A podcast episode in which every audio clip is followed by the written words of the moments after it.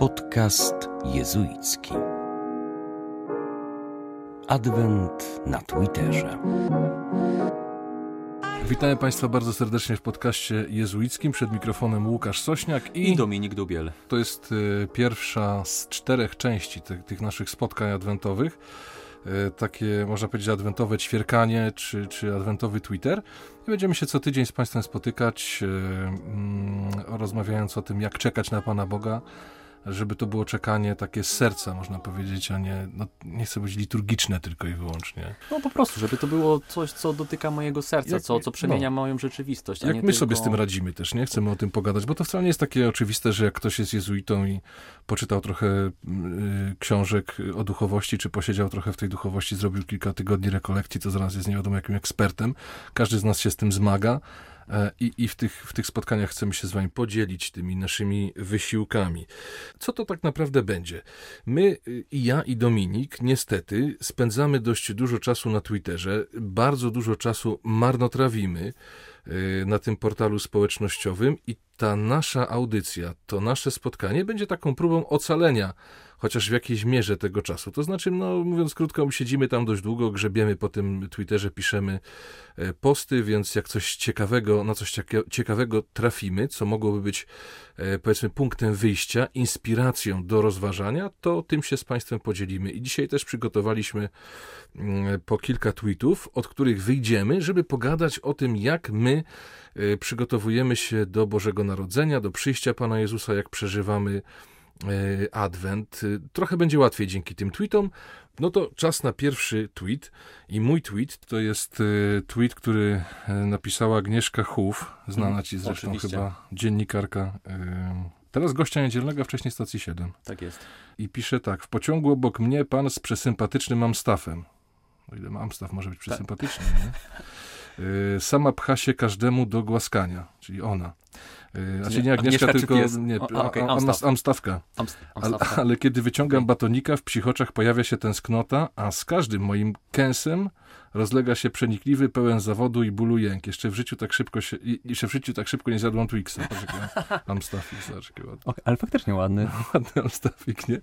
I ja sobie tak pomyślałem, y, biorąc tego, y, jak zobaczyłem tego tweeta, że trzeba by coś takiego zrobić, żeby tak tęsknić za, tak czekać na Jezusa w czasie Adwentu, jak ten Amstaff czeka na, tęskni za tym Twixem. Okej, okay, no i teraz I, pytanie, co ci się nasuwa? Jak, jak, to, jak to zrobić? Znaczy, ja wiedziałem, że skończy na tym, że będę gadał o jedzeniu e, i, i, i, że jakoś do tego to porównam, ale wiesz, zawsze w moim przypadku takie czekanie naprawdę na Jezusa, jeżeli chodzi o Adwent, tak jak Amstaff czeka na Twixa, to niestety przyznaję bez bicia, że skończyło się w czasach powiedzmy podstawówki. Kiedy to były takie straszne zimy, że wychodziło się rano na roraty, e, takie, tak wiesz, wielkie zaspy ze śniegu, robiliśmy sami te, te, te lampiony, lampioniki, lampioniki tak, tak szliśmy. I, I oczywiście na koniec było to losowanie, więc można było figurkę Pana Jezusa zabrać do domu albo jakiś obrazek dostać. Nie, to wtedy się jarałem tym. Nie, ale to w ogóle I to, jest bardzo, i to bardzo spoko, Może nie? rzeczywiście chodziło y, o te rzeczy, które można było y, dostać, czy wygrać. Może chodziło o ten klimat y, adwentowy. Może chodziło o to, że po prostu byłem dzieckiem, wszystko mnie interesowało i, i, i kręciło. Ale wtedy odczuwałem taką naprawdę tęsknotę za tym, że ten Pan, Pan Jezus w końcu ma przyjść. I teraz, jak to zrobić dzisiaj? Jak starego chłopa, no, 40-letniego prawie, Y, zmusić psychikę, nie wiem, y, duchowość do takiego działania, do takiego do takiej tęsknoty. Jeszcze raz. Mm. Powiem szczerze, że no dzisiaj nie ma jakiegoś specjalnego pomysłu na to. Czaję, ale ja bym tak jeszcze wrócił o krok, y, krok do, w tył do tego, co mówiłeś o doświadczeniu właśnie z dzieciństwa, nie? No.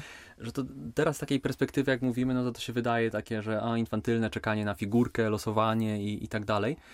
Ale tak, tak sobie myślę, tak sobie pomyślałem, jak mówiłeś o tym, że to był jakiś symbol, nie? W sensie, że okej, okay, jesteśmy, jesteśmy w takiej rzeczywistości y, bajkowo-dziecięcej trochę, mhm. zwłaszcza jak jest ten anturaż cały, y, cały śniegu. Wspaniałe to było. Y, ciemny kościół, lampki i tak dalej.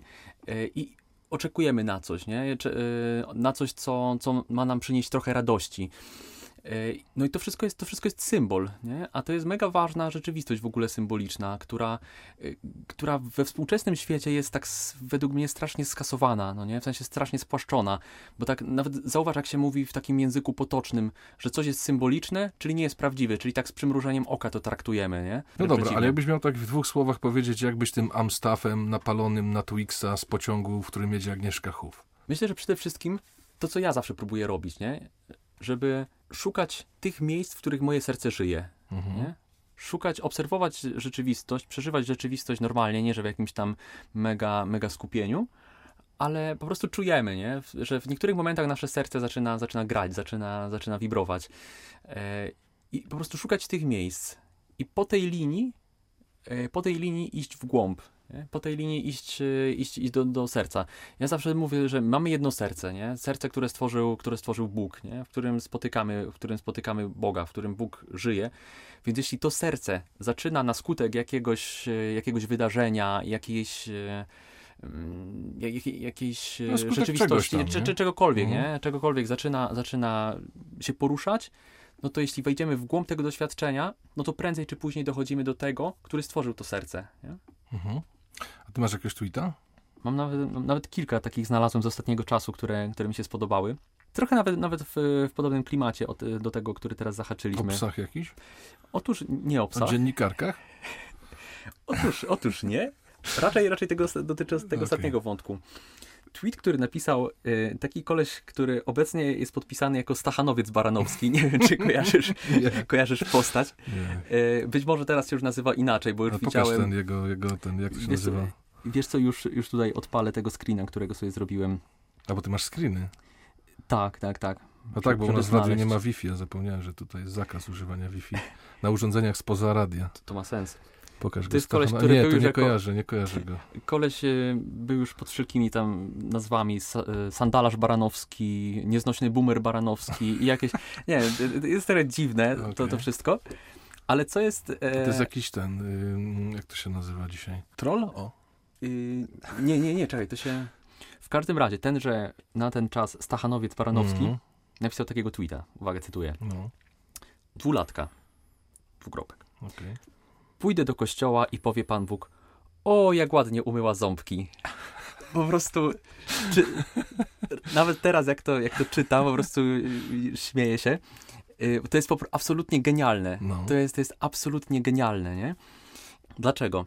Okej, okay, zrobię taki, taki szerszy, szerszy kontekst. No powiedz. Otóż Karl Runner Grubo, nie?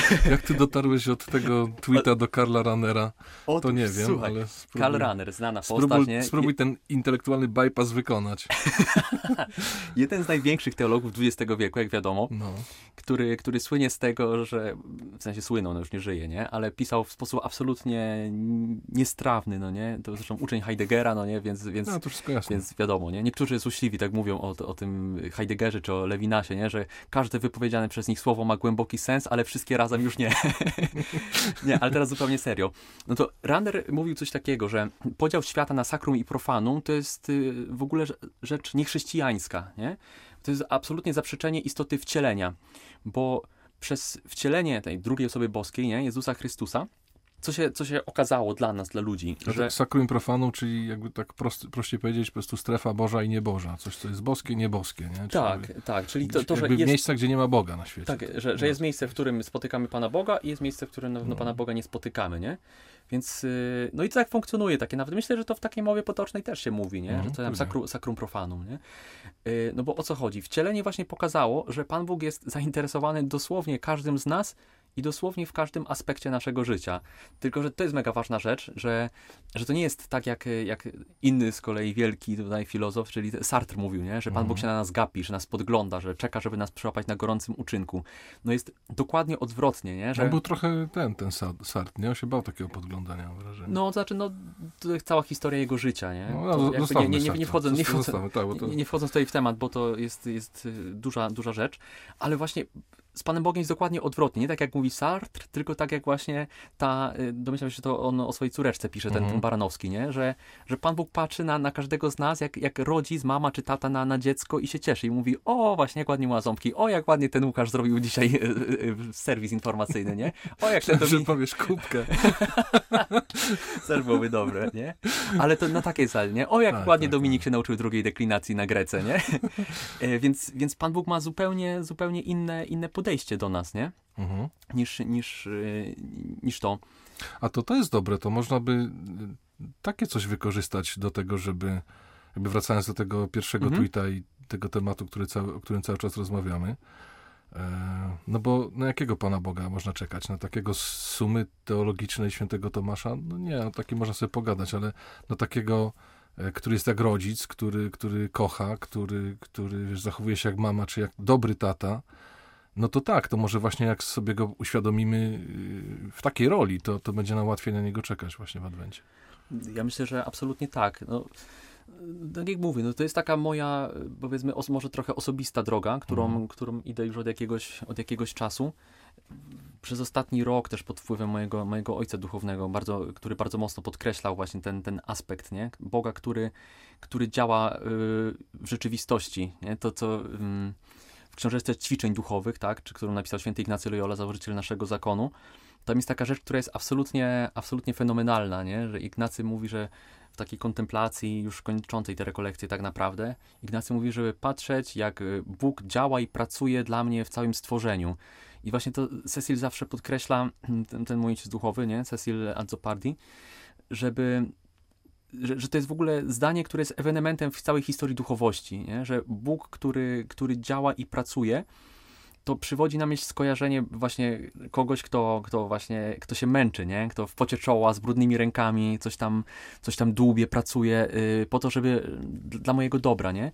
Więc on jest obecny, w, jakby pracuje w całej rzeczywistości, więc więc to jest kluczowe, wydaje mi się, żeby właśnie szukać tych momentów, tak jak mówiłem wcześniej, gdzie, gdzie to moje serce po prostu zaczyna, zaczyna grać, nie?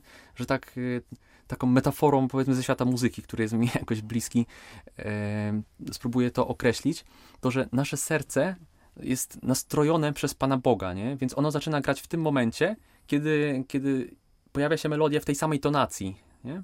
Więc to jest, to jest kluczowe, żeby, żeby wychwytywać te, te momenty z rzeczywistości, niezależnie czy to jest, y, że to jasne, że to może być po prostu udział w liturgii, która mnie poruszyła, że to może być y, jakaś literatura duchowa, ale to może być równie dobrze właśnie Wiedźmin w wersji książkowej, growej czy serialowej, wszystko jedno.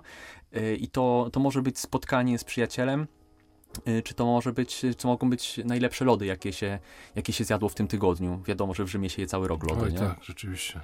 Jest kilka miejsc z bardzo dobrymi lodami. Proszę Państwa, kończymy na dzisiaj, lądujemy pomalutku. Bardzo serdecznie Wam dziękujemy i zapraszamy za tydzień. Dziękujemy i do zobaczenia. Nie, to nie do zobaczenia, do usłyszenia za tydzień.